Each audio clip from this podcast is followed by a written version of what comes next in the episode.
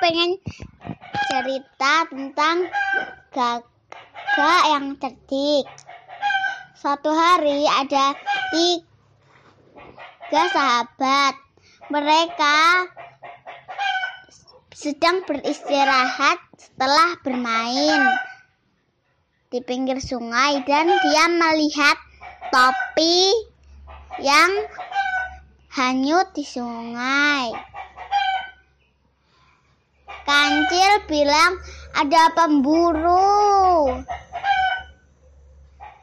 Dan dia lari sambil ketakutan. Setelah itu gagak dan monyet naik ke atas pohon dan dia melihat ada pemburu. Jadi dia menyusun tanah. Setelah itu gagak mengambil topi yang ada di sungai.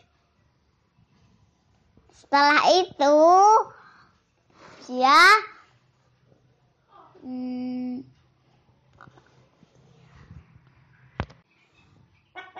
dia ngom dia ngomong dalam hati semoga ini berhasil dan setelahnya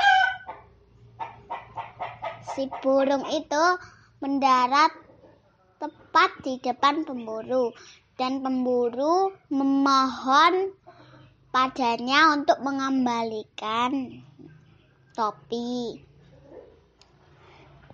Dia pas dia mengejarnya, gagak itu terbang ke atas pohon dan dia meletakkan itu di atas pohon. Dan gagak itu mengasih aba-aba pada monyet.